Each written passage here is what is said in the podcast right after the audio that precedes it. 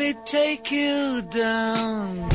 Yeryüzleri Strawberry fields. Nothing is real. And nothing to get hung about. Strawberry fields forever. Kentin çeperi ve çeperdekiler Let me take you down, cause I'm going to Strawberry Fields. Hazırlayan ve sunanlar Murat Güvenç, Aysim Türkmen ve Deniz Gündoğan İbrişim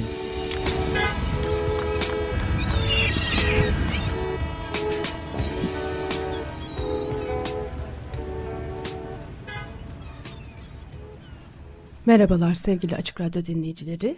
Yeryüzleri deprem özel programındayız.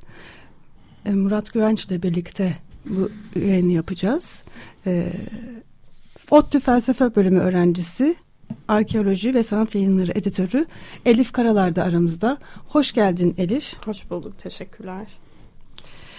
8 Şubat'ta e, Moda'da, evimde birlikte çalışmaya başladığımız bir grup arkadaşlarımızdan bir tanesi.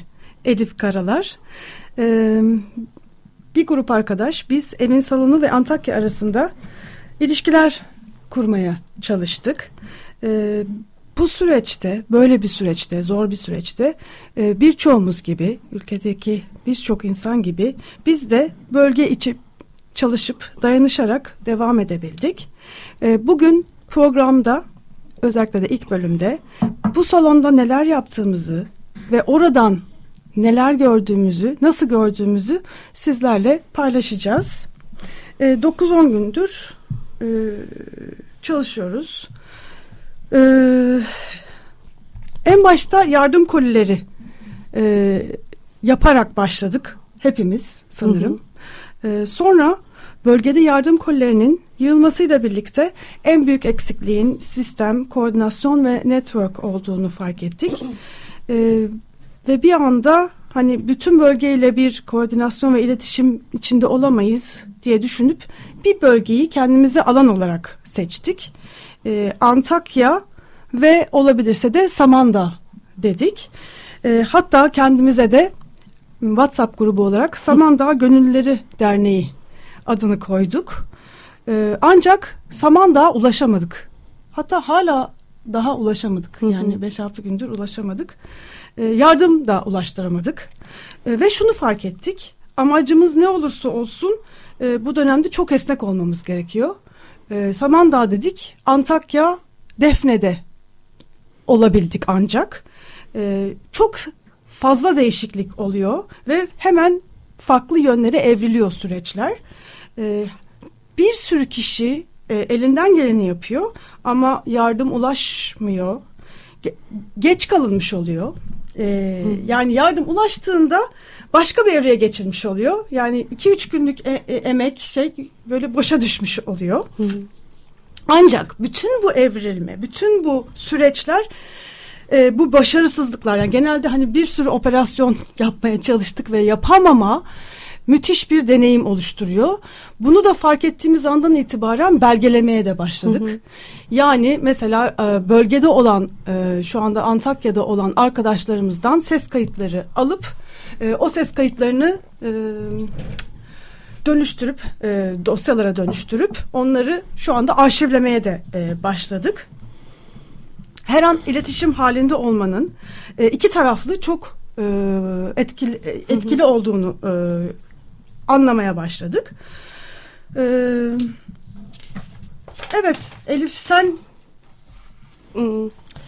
neler deneyimliyorsun, neler yaşadın bu süreç içinde? Biraz senden an, hı hı.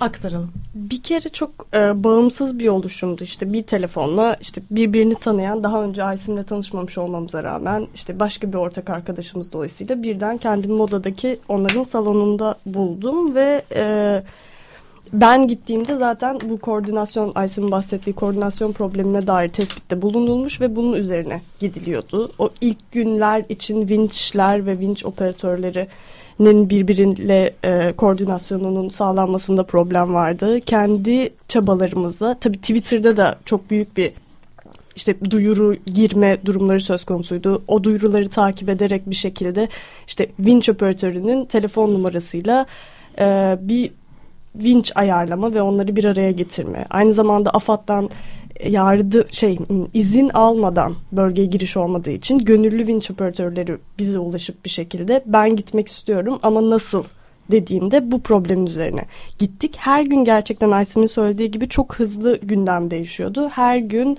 e, yeni yapılması gereken bir şey. İlk gün tamamen bununla geçerken ikinci gün artık şey haberleri de gelmeye başladı. Hem Twitter'da hem sahadaki arkadaşlardan vinç operatörleri geldi burada bekliyor. Vinçler yok Tamam dolayısıyla vinç operatörleri oraya gidebildi ve biz gündemimizi değiştirmek durumunda kalıyorduk. Çok hızlı reflekslerle aslında şimdiki problem ne, şu an neye yoğunlaşacağız üzerinden yeni gündemler yaratıp bir şekilde üzerine gitmeye çalıştık. Ama bunların içinde tabii ki başarısız olduğumuz, işte başarısız denemeler de oldu. İşte çok yükseldiğimiz fikirler, yapmaya çalıştığımız şeyler boşa da düştü. Ama Aysim'in dediği gibi bunlar da bir deneyim oldu ve en temelde aslında benim gözlemlerim ve hepimizin ortak kanaat getirdiği şey koordinasyon problemi. Yani bu çok fazla dile getirildi ama bu koordinasyon problemi üzerinde öncelikle şeyden bahsedelim data analiz.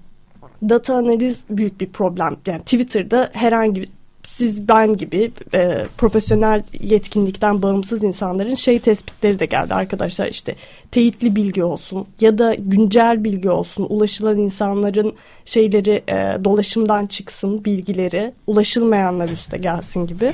Şimdi elbette ki AFAD'ın böyle bir koordinasyon ekibi vardır diye umut ediyoruz ama e, bu herkese ulaşan bir kamusal bir aradalık içinde herkesin televizyondan da Twitter'dan da işte bağımsız medyalardan da ortak olarak takip edebileceği bir şekilde örgütlü değildi ki mesela ben ODTÜ'deyim biliyorum ki ODTÜ'den insanlar hemen mühendislikten bir e, şey program oluşturdular.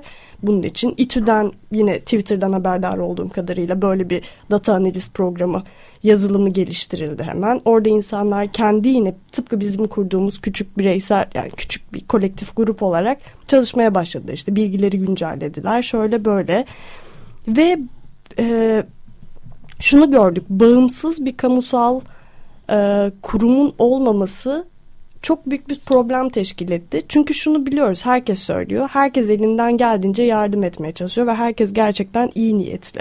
İşte bunu her kesimden insan yapıyor. İşte muhafazakar kesimin örgütleri de yapıyor. Sol örgütler de yapıyor ve biz de birçoğuyla aslında bu işte yardımların gönderilmesi, kimlere gönderilecek, nasıl izin alınacak konusunda irtibat halinde olduk birçok grupla.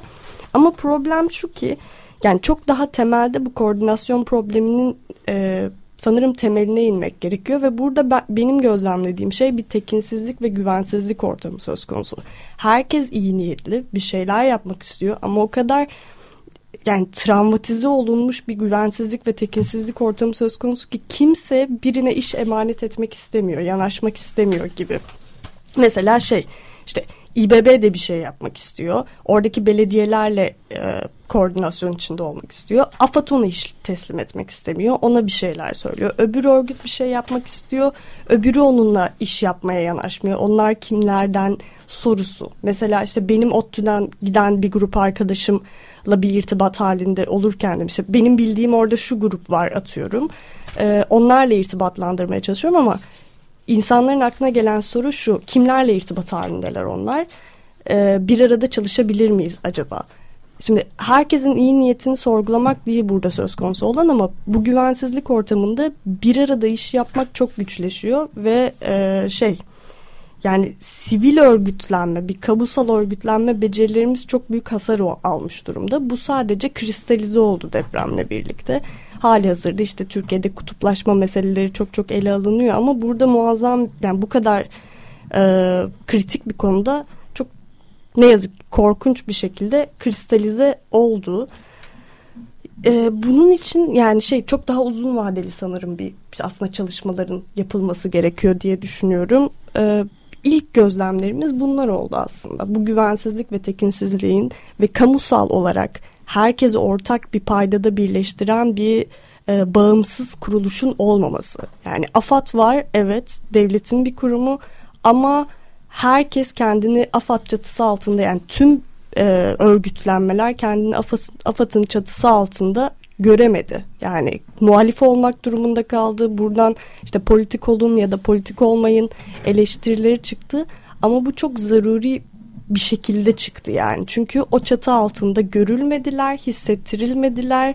Dolayısıyla hissetmeyip refleksiyon verdiler ve zaten hali hazırda çok kaotik ve çok acı olan e, şey fotoğraf e, bir kez ve bin kez daha e, çok daha problemli bir hale geldi bu yüzden.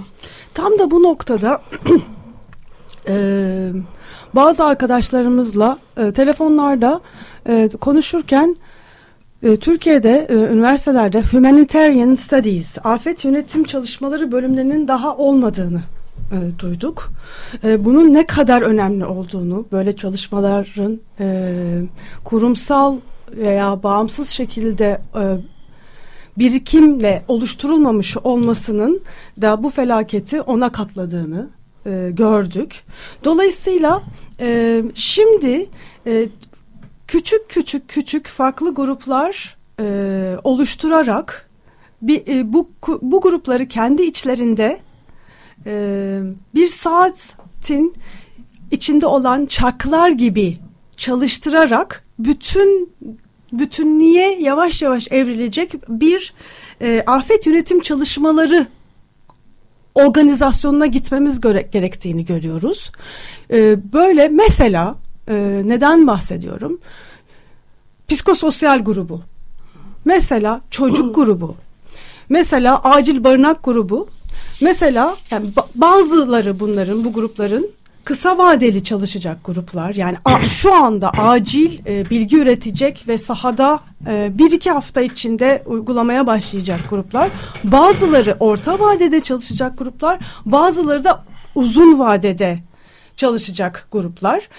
E, şimdi e, herhalde e, yani birkaç ay çoğumuz sadece bununla ilgileneceğiz ama daha sonrasında e, ilgilenmeyeceğiz. Yani bu da hayatımızın, insanlığımızın, varoluşumuzun, e, düzenimizin bir gerçeği.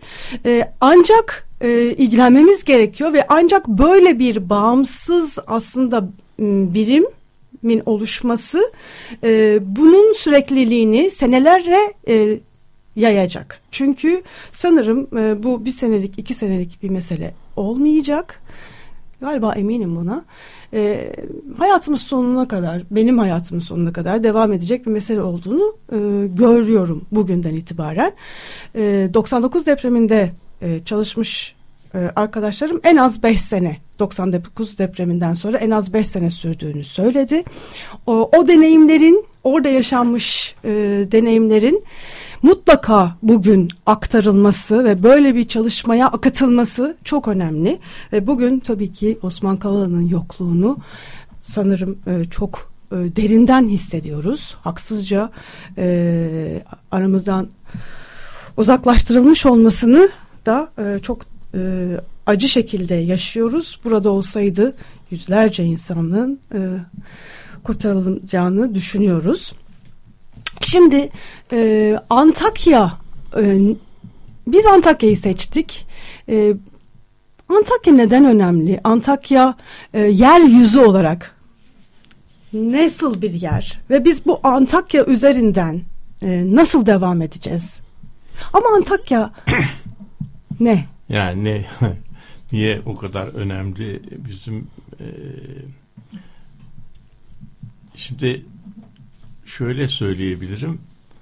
Çok e, eski tarihlere gitmek gerekiyor Antakya'yı anlamak için. E, Antakya e, bazı şeylerde e, dilin e, kavramların içerisine e, gizleniyor. E, onlar üzerinde biraz durmak lazım. Antakya niye önemli diye e, düşünmek lazım. Yani Antakya aslında e, Doğu Akdeniz böyle şeyden e, İskenderiye'den e, İskenderun'a bak şimdi bu İskenderiye'den İskenderun'a kadar böyle bir düz bir hattır. Orada çok fazla e, liman yoktur Böyle dümdüz giden bir şey düşünün. Böyle bir e, hat çizgi. E, o çizgi işte e, o çizgi eskiden orta çağlarda orta çağlara kadar e, dünyanın en önemli yeriydi. Yani İskenderiye, İskenderun arasındaki o çizgi. Hani böyle e, medeniyetler e, işte bütün işte ne diyelim şey dinler tek tanrılı dinlerin hepsinin merkezi. Niye niye orası öyle e, orasıydı mesela bu bunun üzerinde e, düşünmek lazım. E, ve niye orada?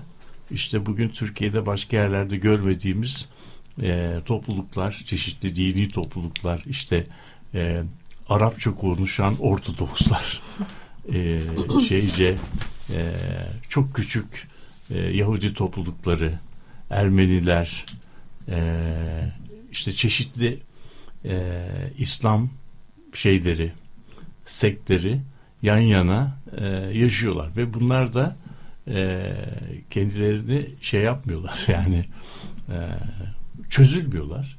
Bir şeyin içinde eri, erimiyorlar da orada duruyorlar. Ve orada da sürekli olarak da e, bir şey kavgası e, Kudüs'ü sen aldın ben aldım. E, orada eskiden tapınak vardı. O tapınağı kim yıktı? Yani böyle bir uzun bir şey var. Yani bunu e, bu, bu, bu niye böyle başka yerlerde niye böyle şey olmuyor da burada oluyor meselesi üzerinde birazcık e, durmak lazım. Şimdi e, bunu bunu çözmek için de çok eski tarihlere belki mirattan önce e, 4. 5. bin yıllara doğru e, gitmek e, gerekiyor. Ortada e, şeyi görüyoruz. Yani dünyanın çeşitli e, şeylerinde, bölgelerinde çeşitli e, medeniyetler kuruluyorlar. Ve bu medeniyetlerin aslında birbirleriyle e, temas etmeleri e, gerekiyor. Çünkü medeniyetler ancak dışarıdan gelen e, akımlar üzerinden kendilerini yeniden üretebiliyorlar. Yani bu ontolojik olarak o medeniyetin bir yerde kurulması, şahane bir biçimde e, kurulması oranın sürdürülebilirliği için yetmiyor. Oranın dışarıdan bir takım dışarıyla ilişki içinde olması lazım. Yani bu da tabii o kapalı sistemi açık sistem haline e, getiren bir bir görüş. Şimdi mesela dünyanın ta en ucunda uzak Asya'da Çin e, medeniyeti var. Şeye geldiğimiz zamanda Akdeniz havzasına geldiğimiz zamanda e, Roma Helenistik e, dönem var ve bu Helenistik dönemde e, ki Akdeniz etrafında olan tırnak içinde daha tarihte Amerika'yı var ama biz bilmiyoruz. Amerika'dan kopuk bir dünya var ve orada bu e, bu iki medeniyet arasında bir şey var. Etkileşim var. Bu mal akımları olabiliyor, fikirler olabiliyor, e, insan akımları olabiliyor filan. Yani şey e, işte İskenderiye e, kelimesi Alexander'dan geliyor. Yani Büyük İskender'den geliyor. Alexander İskenderun ise o kentin de e, Fransızca adı Alexandretta. Yani Alexander'ın küçük kenti. E, ve orada işte böyle e, bir sürü de küçük liman var. Beyrut bunlardan bir tanesi.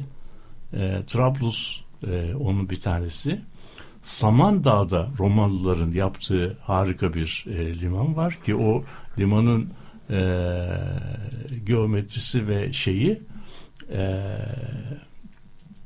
orası şeye benzer e, Avrupa'daki Brüj e, limanının şeyidir yani e, bir kopyasıdır. Çünkü o Samandağ'daki Roma limanı aslında liman yapılamayacak yere yapılmış bir limandır. Çünkü Akdeniz'in orasında liman filan yapılamıyor. Yani korkunç e, dalgalara karşı liman yapabilmek için onlar böyle bir e, denizin içi yani denizin üzerine büyük bir şey yapmışlar, dalga kıran yapmışlar. O dalga kıran içerisinden gemileri bir kanalla bir kanalla karadaki bir limana yani karanın içerisinde büyük bir havuz yapmışlar. O havuza getiriyorlar ve o havuzda e, gemiler doluyor. Ama tabii yani niçin niçin böyle bir liman yapmaya dağları delip o teknolojiyle yapmaya gerekiyor? Çünkü Çin ile o, o işte Akdeniz e, havzasındaki e, medeniyetler arasında bir şeye ihtiyaç var. Bir temas noktasına ihtiyaç var. Oraya kadar e, şey ticaret İpek yolu ile geliyor. İpek yolu dediğin şey ise kervanlar halinde geliyor. Ve o kervanlar oraya geldikleri zaman e, kervanların içindeki kompozisyon aslında Çin'den e, başladıkları gibi bir kompozisyon değil. Çin'den bir takım kervanlar yola çıkıyor. Bir yerleri ziyaret ediyor. Bazı mallarını orada bırakıyor. Orada üretilen bazı malları alıp başka yerlere taşıyor. Yani bu İpek yolu dediğin şey aslında e, ayaklar üzerinde yürüyen kapitalizm. Yani bir nakliyat şirketi değil. Anladın mı? Yani malları biz şeyden yazıyorsun hani şeyden kargoya veriyorsun değil. öyle bir şey değil yani. Bu gezdiği dolaştığı yerlerde kervanlar bozuluyor. O bozulduğu yerlerde bir takım oralara e, ham maddeler gelmiş oluyor, teknoloji gelmiş oluyor. Oralarda üretilen mallar tekrar e, paketleniyor. Bu şekilde kervan geçtiği yerlere bir çeşit kan götürürken oralardan bir şeyleri alıp başka yerlere taşıyor. Ve bu sü sürecin sonunda bizim şeye geldiğimiz zaman e, yani e, İskenderun'a ve İskenderiye'ye geldiğin zaman bunlar artık Akdeniz havzasında ihtiyaç duyulan bütün ürünler oraya gelmiş oluyorlar. Anladın mı? Bu böyle bir şey olur. Şimdi o yüzden o yüzden şimdi dille ilişkisini söyledim. Bütün haritalarda o zamanki haritalarda ortaçağ haritalarında haritanın kuzeyi kuzeyde değil yani yani haritalar kuzeye göre şekillendirilmiyor. Oriente göre yani bu buraya göre. O orient kelimesi, orientation kelimesi de oradan geliyor. Yani yönelim demek, e, yönelim doğu demek. Yani doğu demek de o yüzden, o yüzden İskenderun, İskenderiye oraya dönük. Yani bütün haritalar aslında e, oraya gidiyor. Çünkü her şey orada başlıyor. Yani bütün dünyanın merkezi orada. Anladın mı? Yani orası orası bütün ticaretin dünya ticaretinin kırılım noktası. Bunun adına emporium deniyor. Emporium denilen şeyin içerisinde en önemli yerlerden bir tanesi İskenderiye. Çünkü İskenderiye hem Afrika'nın ticareti geliyor, hem Asya'nın ticareti geliyor, hem e, Akdeniz'in ticareti geliyor. Onun için İskenderiye neden önemli olduğunu anlıyorsun. Yani bu din, bak din, sanat, eğitim, kültür bunların hepsi kapitalizmin en yüksek olduğu yere giderler. Anlatabildim mi? Birikim rejimi olması yani bu, şart bu, bu, çünkü. Kapitalizm yani ticaretin tabii, yani, tic, yani ya ekstra e, ha, bu, bu bunun şeyi yok. Değer yani üreten bunun, yer olması değer, değer mümkün değil. Yani tabii. şeyin e, mesela Birileri, Hristiyanlık tarihine bakarsan papalığın merkezi Avignon şehrindeydi. Allah'ın unuttuğu Avignon şehri niye? Niye? Niye Avignon şehri? Çünkü Avignon şehri ondan sonra şey üzerinde Ron Vadisi üzerinde Akdeniz'den e, kıta Avrupa'sına bütün o Alp dağlarını geçmeden tıpış tıpış gidebileceğin bir kanalı kontrol ediyordu. Onun için Avignon bütün Avrupa e, kıtasıyla şey arasındaki Akdeniz havzasındaki ticaretin en yüksek olduğu en yüksek olduğu bir kanal üzerindeydi. Anlatabildim mi? Ve bu ulus devletlerin yükselişine kadar burada kaldı. Ulus devletler yükselmeye başlayınca başka başka e, medeniyetler kurulmaya başladı ve papalar da Avignon'u bırakıp Roma'ya geçtiler. Roma şehrine gittiler. Ama bu arada e, oradaki medeniyetin bir kısmı da Atlantik ekonomisinin kuruluşuyla beraber başka yerlere gitmediler. E, Amsterdam'a gittiler. Ve e, Anvers'e gittiler. Çünkü orada protestanla ilgili, protestanlıkla ilgili yeni bir şey kuruluyordu e, Antakya'yı e, destinasyon olarak e, seçmiş olmamız evet. ben Yani bu, Bu kadar anti, Antiyok e, bilinçli değildik. Ha. Yani tamamen tesadüfen. Hayır işte burası burası o bakımdan çok önemli. Burası Hristiyanlık tarihi açısından çok önemli. Bütün dinler tarihi açısından önemli ve bütün dünya tarihi açısından önemli. Nitekim burada Payas diye bir yer vardır. Payas. Osmanlılar da burayı e, çok e, önemsiyorlar. Ve nitekim e, şeyler e, Portekizliler Hindistan'a giden e, deniz yolunu icat ettikten sonra, keşfettikten sonra Osmanlılar e, Akdeniz'in dünya sistemindeki önemi birdenbire düşüyor. Bu benim söylediğim hani böyle dünyanın en önemli yeriydi dedim ya. Dünyanın en önemli yeri olan bu bu bizim Orient yani Levant. Levant Fransızca'da güneşin doğduğu yer demek. Yükseldiği yer demek. Ee, burası e, Amerika'nın keşfiyle beraber birdenbire e, çöküyor. Ve bunun bu çöküş 300 yıl, 330 yıl sürüyor. Bunun öyküsü de bizim ODTÜ'den çok sevgili arkadaşımız Faruk Tabağan Solan Akdeniz isimli bir e, kitabında anlatılıyor. Şeyden e, vardır bu e, Türkçesi e, şeyden e, zannediyorum İş Bankası yayınlarından çıktı veya Yapı Kredi'den çıktı. Solan Akdeniz. İz- Şey söylemek istemem. E, yanlış bir şey söylemek istemem ama Faruk Tabağan kitabı bu İngilizcesi Waning of the Mediterranean yani şeyin e, Akdeniz'in solması ve bu solması sırasında yani 1500'lü yıllarda Akdeniz'deki bütün şehirler, bütün o zenginlik baldır küldür çöküyor. İşte çök, o çökerken de yeni dünya haritalarına ihtiyaç duruluyor.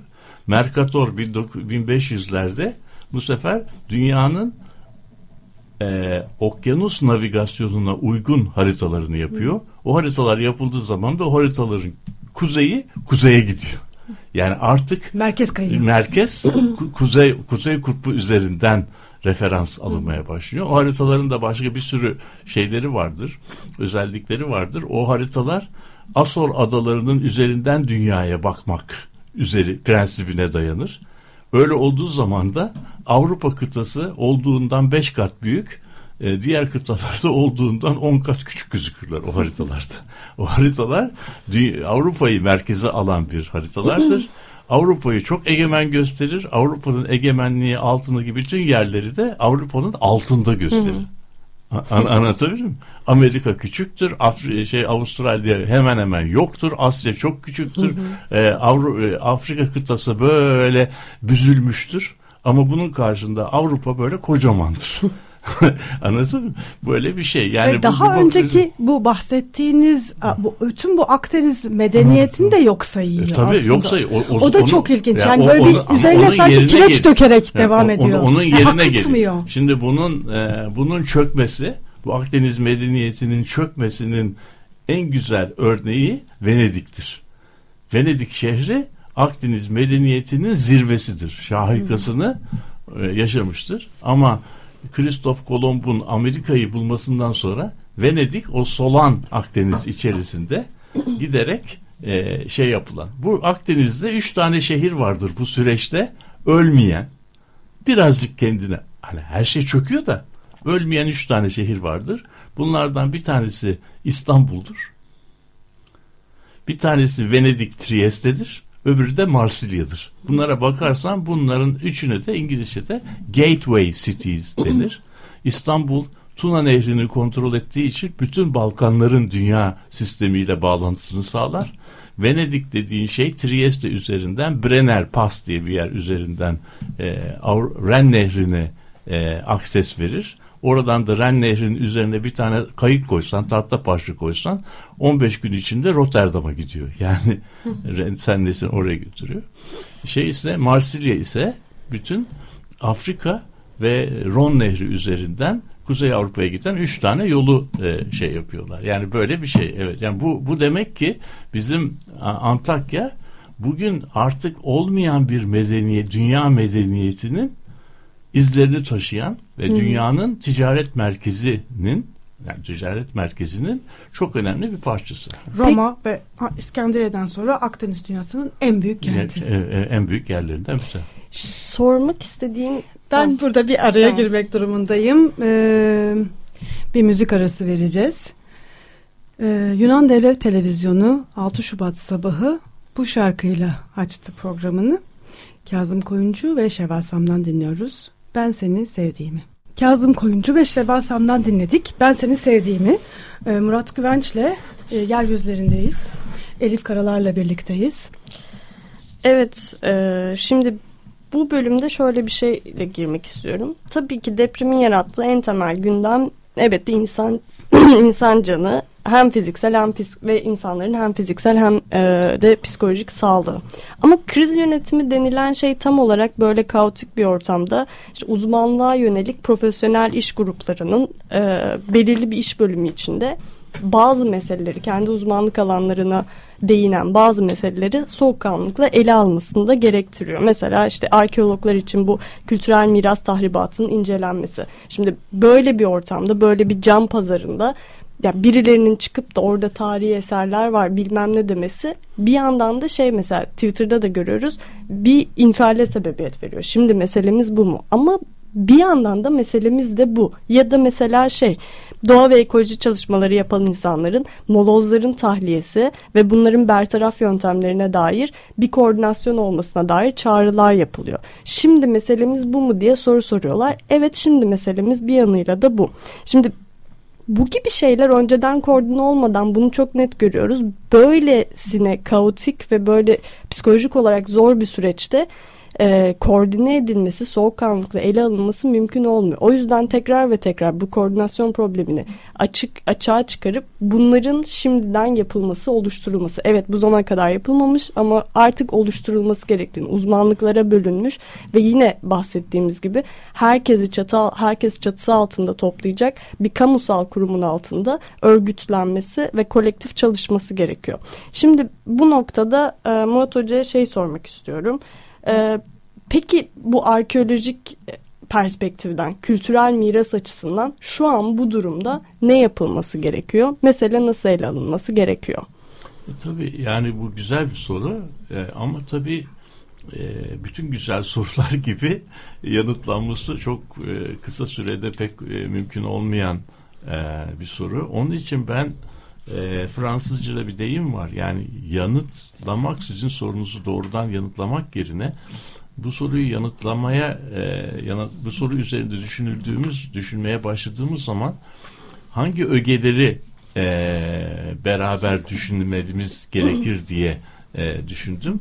Bu şeyde de e, koordinasyon kelimesini de ya biz buraya geldik burada koordinasyon yok e, filan e, denildiği zaman da bu koordinasyon kelimesinin bir şu anda bir fetişleştirildiğini Hı. görüyorum. Yani bu koordinasyon olsaydı eğer olmuş olsaydı bütün problemler çözülecekmiş gibi bir de bir şey var. Yani biz şimdi burada mükemmel bir koordinasyon kurmuş olsaydık e, bu bugün yaşadığımız problemlerin büyük bir kısmını yaşamayacaktık. Bu bunu yatsımak mümkün değil. Yani burada şimdi ben kaosu savunuyor e, olmadığımı hepimiz biliyorsunuz. Yani ko- koordinasyonun e, bir çeşit e, hayat kurtarıcı tarafı olduğunu ve şeyin insan eyleminin e, getirisini yükselttiğini e, biliyorum ve bu da şey. Şimdi e, fakat ve burada büyük bir e, soru işaretiyle başlamamız lazım. Bu koordinasyon dediğimiz şey aslında modernizm, modernite projesi içerisinde bütün ilkeleri, bütün prensipleri teker teker ak, akıl e, üzerinden kurulmuş bir şey, e, bir müdahale. Hani acil yönetim planının yapılması. Acil yönetim planı e, dediğin zaman tıpta mesela bunun e, bir şeyi var, bir karşılığı var. E, bir büyük problemle karşılaştıkları zaman yani şeyi nasıl diyelim e, çözümü aşikar olmayan hı hı. ve de kendi kapa çözüm kapasitelerini aşan bir taleple karşılaştıkları zaman işte birimlerin nasıl davranacakları nasıl davranmalarının en rasyonel olduğu konusunda e, bize ilkeler veriyor. Yani biz koordinasyonu bilseydik bunu yapacaktık. Yani. Yani Anlatabildim mi? Yani şahane. Ve burada mesela en önemli şeylerden bir tanesi e, normal durumda mesela afet durumu olmayan e, bir e, gündelik yaşam içerisinde doktorlar hasta seçmeyi ahlak ötesi bulurlar. Hastayı seçmezler. Hastanın yani iki tane hasta varsa birinin dişi ağrıyorsa öbürünün ise kalp krizi geçiriyorsa yani bunların her ikisi de eşdeğer düzeyde şeye e, nasıl diyelim müdahaleye e, şey e, nasıl diyelim hak sahibi insan. Ama afet durumunda bu böyle değildir. Afet durumunda olduğu zaman triyaj dedikleri yani seçme. Seçme dedikleri bir şey olur. Senin e, demin Elif söylediği hani bu, bu da bu durumda bunun sırası mı? Yani işte bu tarihi yarım ya tarihi kültür bilmem nelerini düşünmenin sırası mı? Biz burada canımızla uğraşıyoruz. İşte orada insanlar triyaj talebi yapıyorlar. Yani şeyin e, nasıl diyelim bizim e, şu anda tarihi marihi boş ver. Bizim canımız gidiyor. E, Daha caz kullan. Şimdi burada triyaj bu tam manasıyla bir kültürel triyaj e, ta- ta- talebi. Soruya gelirsek peki burayı nasıl e, yapabiliriz? Bunun e, bugün pek moda olduğu gibi bir tabii afet öncesi, Evet. afet sırası ve afet sonrası e, elemanları var. Bir tanesi bu eğer biz mükemmel bir afet yönetimi yapmış olsaydık bile e, tarihi ve kültürel ve arkeolojik alanların korumasının bu sistem içerisinde çok öncelikli yer e, almayabileceğini söyleyebilirim. Den, ki imkanlarımız nispetinde biz bunları da koruyacağız. Ama e, e, kardeşim orası da bilmem e, oto, otoyolu kesiyorsa e, onun kenarından da o afet koşullarında bir yerleri yıkmak son derece şeydir e, meşrudur denilebilirdi. O yüzden afet öncesinde e, afet yönetimi nasıl olmalı e, şey problematiğini gündeme getirdiğimiz zaman Kültürel eleştirel bir gözle e, modernist e, afet yönetimi programlarını da e, di- dikkate almamız gerekir. Yani bunlar bunların da e, sorunsuz olmadığını, en iyisini yapsak bile bunun sonunda bazı e, seçmelere götüreceğini bir kere teslim etmemiz gerekir. İkincisi bugün ne yapılabilir sorusuna gelelim. Yine Elif'in sorusunda bugünkü şeyde bu bölgenin demin söyledim ki yani dünyada var olan bütün e, bütün tek tanrılı e, dinler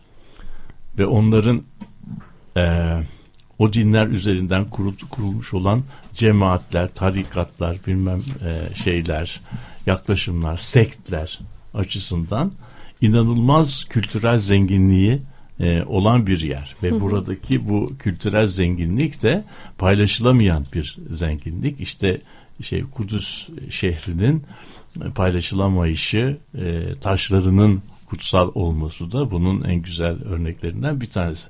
Şimdi burada ne yapılabilir sorusu şey yapıldı gündeme geldiği zaman da buradaki problem nedir? Günümüzdeki problem nedir? Buradaki günümüzdeki problem e, arkeolojinin arkeolojisini yapmakla başlıyor. Arkeoloji dediğimiz e, disiplin her zaman olan bir disiplin değildi. Bütün e, beşeri ilimlerin pek çok disiplini gibi 19.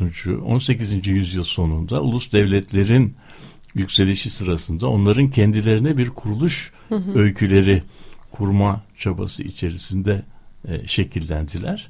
Onun için bu e, hakikati yansıtmaktan çok ulus devletlerin kuruluş öykülerine e, hizmet eden bir arkeolojimiz var. Onun için de bu paramparça ediyor. Yani şeyi var olan bir e, bütünlüğü parçalarına ayırarak birbiriyle tutarlı pek de tutarlılığı gözetilmeyen öyküler yaratıyor. Müslümanların burayla ilgili bir öyküleri var. Hristiyanların bir öyküleri var. Protestanların bir öyküleri var. Musevilerin bir öyküleri var ve bu öyküler e, o öykülerin ne kadar tutarlı olması karşılıklı olarak şey yapılmıyor. Test edilmiyor ve burada o yüzden şeyi bu ulus devletlerin ve totaliter ideolojilerin e, kendi çıkarına e, yarattıkları dil oyunlarının farkında olan yeni universalist bir şey bir e, kültür yönetimine e, şey anlayışına gerek var. Bu da yani bu da maalesef UNESCO üzerinden olacak şey değil. Çünkü UNESCO aslında ulus devletlerin kurduğu bir kültür örgütü. Yani UNESCO'nun da ötesine e, geçen bir şeye ihtiyaç var. E, o, o yüzden e, bu yani bir daha buna yaklaşıldığı zaman gidenler gitti. Bir daha yaklaşıldığı zaman aynı e, modelde en iyisini yapsak bile e, bence e, çok başarılı olamayabiliriz. Eleştirel boyutu dışarıya dışarıda bıraktığımız takdirde. O zaman aslında yeni bir modele ihtiyacımız Yeni bir topluma ihtiyaç var. var. Yeni bir şeye ihtiyacımız var. Yeni- evet.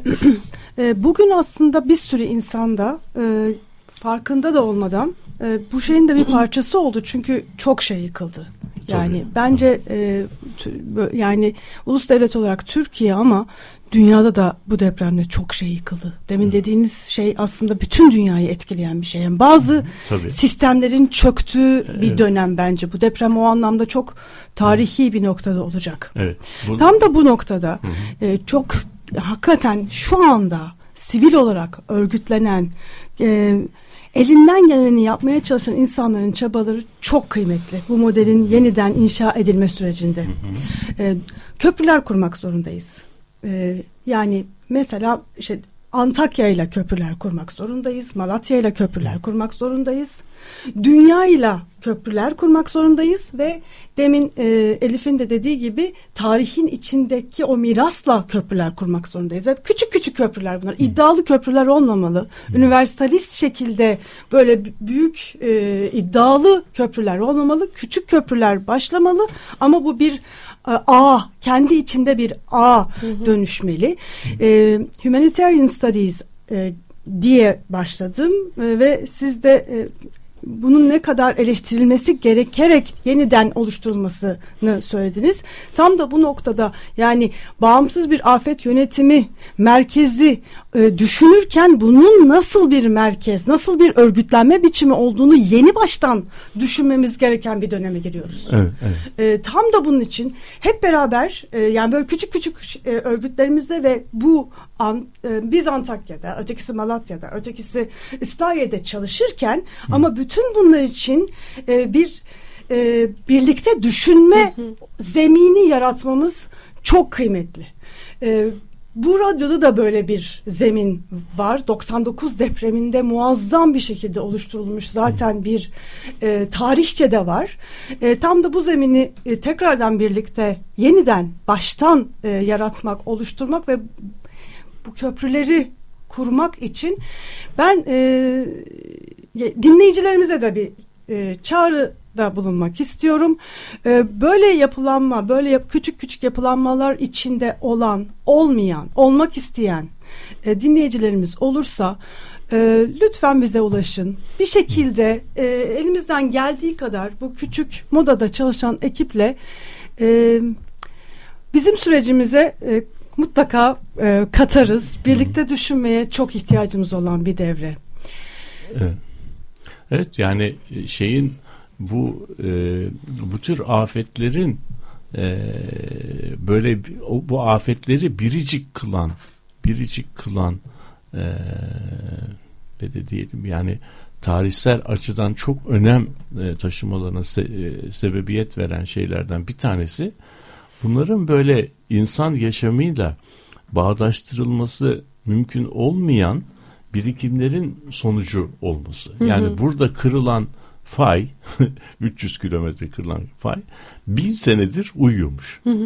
Yani şimdi bin sene bin senedir uyuyan bir fay bin senedir yani biz böyle e, baktığımız zaman insan değişmez bir peyzaj gördüğü zaman o peyzajı "Ha, öyle duruyor diye şey yapıyoruz. Ama o durduğu yerde durduğu gibi durmuyor işte. O bin sene dünyanın bütün her yerinden gelen bir enerjiyi kendi üzerinde biriktiriyor, biriktiriyor, biriktiriyor, biriktiriyor, biriktiriyor, biriktiriyor ve ondan sonra bizim farkında olamayacağımız bir hızla hiçbir engel yani e, hiçbir şey yapamayacağını bir anda boşalıveriyor. Zembereğinden boşalıveriyor.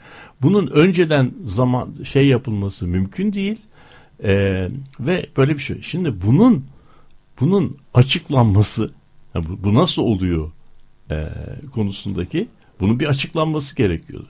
İşte çok yakın tarihlere kadar mesela 1501'de zannediyorum bir şey e, Portekiz'de Lisbon depremi var. E şimdi Lisbon depremine kadar bütün dünyanın yaşadığı böyle büyük felaketlerin bir açıklama biçimi var.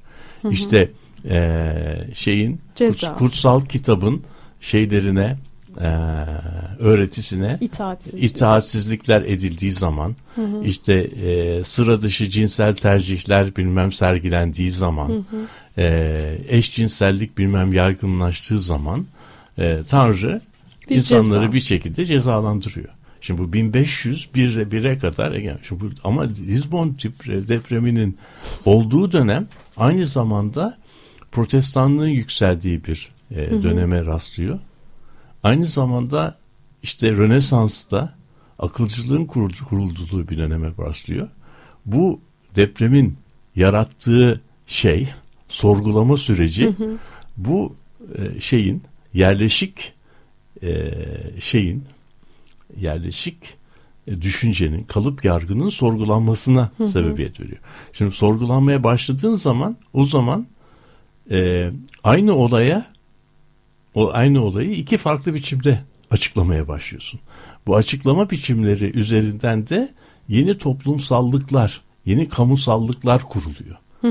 Ee, yani buna publics deniyor.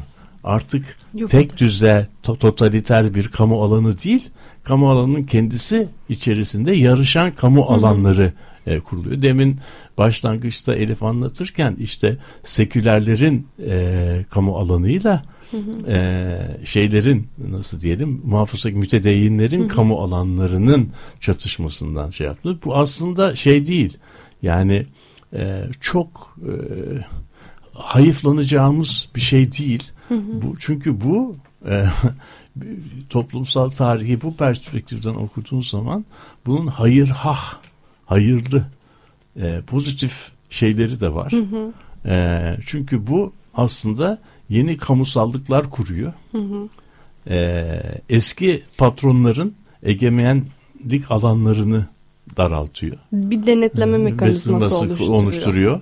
Bir takım karşı e, karşı kontrpua diye çeviriyor. Yani karşı ağırlıklar oluşturuyor. Ve bunlar arasında yeni diyaloglar, yeni sorgulama şeyleri e, açıyor.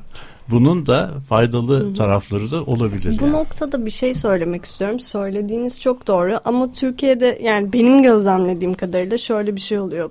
Bu bahsetmek istediğim bir şeydi. Yani böyle anlarda gerçekten psikolojik rahatlamayı hani fiziksel gerçekten e, bir şeyimiz olmadığı için, yapılanmamız olmadığı için, destekleyecek, işte organize edecek bir şey olmadığı için rahatlamayı buradan değil psikolojik olarak günah keçisi seçmekle yapıyoruz. Evet. Yani bu mesela şey e, Suriyeliler, yağmacılar şey karşılaşmasında da böyle. Zaten hali hazırda bir kaotik durum var. Aynı zamanda depremzedeler içinde de yani o rahatlamayı işte devlet nerede sesi çıkarken o rahatlamayı bir noktada şey o enerji patlamasını al Suriyeliler işte falan diye e, gidermeye çalışıyor. Böyle bir psikolojik destek. Aynı şekilde şey işte bu farklı grupların aynı sahada, aynı yerlerde, aynı vazife için örgütlenmiş olarak çalışırken de birbirleri ellerinden tam anlamıyla e, çok da yani nasıl diyeyim çok organize bir şey gelmediği için o, o rahatlığı organize bir şey yapmanın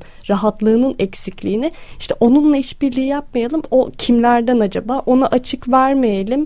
Hani biz şöyle yapalımla. Aslında sizin söylediğiniz şey yani teorik ve ideal düzlemde keşke olsa bir şey ama pratiğe baktığımızda herkes şey böyle tedirgin o ilk başta bahsettiğim tekinsizlik ve güvensizlik ortamı içinde bir şeyleri tam olarak yapamamanın acısını ve bunun gerekçesini diğerlerinin güvenilir olmaması üzerinden açıklayıp o bir arada düşünme ve bir arada eyleme imkanını ortadan kaldıran bir şey oluyor. Bizim pratik örneğimizde gibi görüyorum. Doğru söylüyor. Doğru. Yani bunun çözümleri, alternatifleri var ama tabii bu e, benim kendimi bu olay karşısında e, daha iyi hissetmem e, problemi çözmek açısından çok büyük bir şey değil. Ama bir yandan da yeni zeminler de oluşuyor. İşte, evet. Yani çok acayip e, enteresan bir dönem yaşıyoruz. Tabii. tabii. Ee, bildiğimiz dünya yıkıldı. Yepyeni bir dünya bu 6 Şubat'tan sonraki. Ee, çok teknik meseleler olduğu gibi çok boyutlu meselelerimiz olduğunu program içinde de konuştuk. Ee, ve bu e, demin benim yaptığım çağrıyı ben tekrarlamak istiyorum. Ee, bu çok boyutlu sistemde itfaiyeci ve madencilerin olduğu kadar anaokulu öğretmenlerinin de içinde olduğu, psikiyatrların da içinde olduğu, e, sinemacıların da içinde olduğu çok boyutlu yapıyı tekrardan düşünmek üzere, e, bunun peşine düşmek üzere e, de tekrardan dinleyicilerimizi bizimle irtibata geçmeye çağırıyorum. Yeryüzlerinde e, bugün özel deprem programı yaptık. Elif Karalar bizimle bu programı yaptığın için çok teşekkür ederiz. Ben teşekkür Çok ederim. teşekkür ederiz. E, hepimize e, sabır diliyorum. Hepimize bu e, dünyada, şu andaki dünyada yeni e, alanlarda birlikte e, çalışma imkanları diliyorum. Bu haftalıkta bu kadar. İyi haftalar.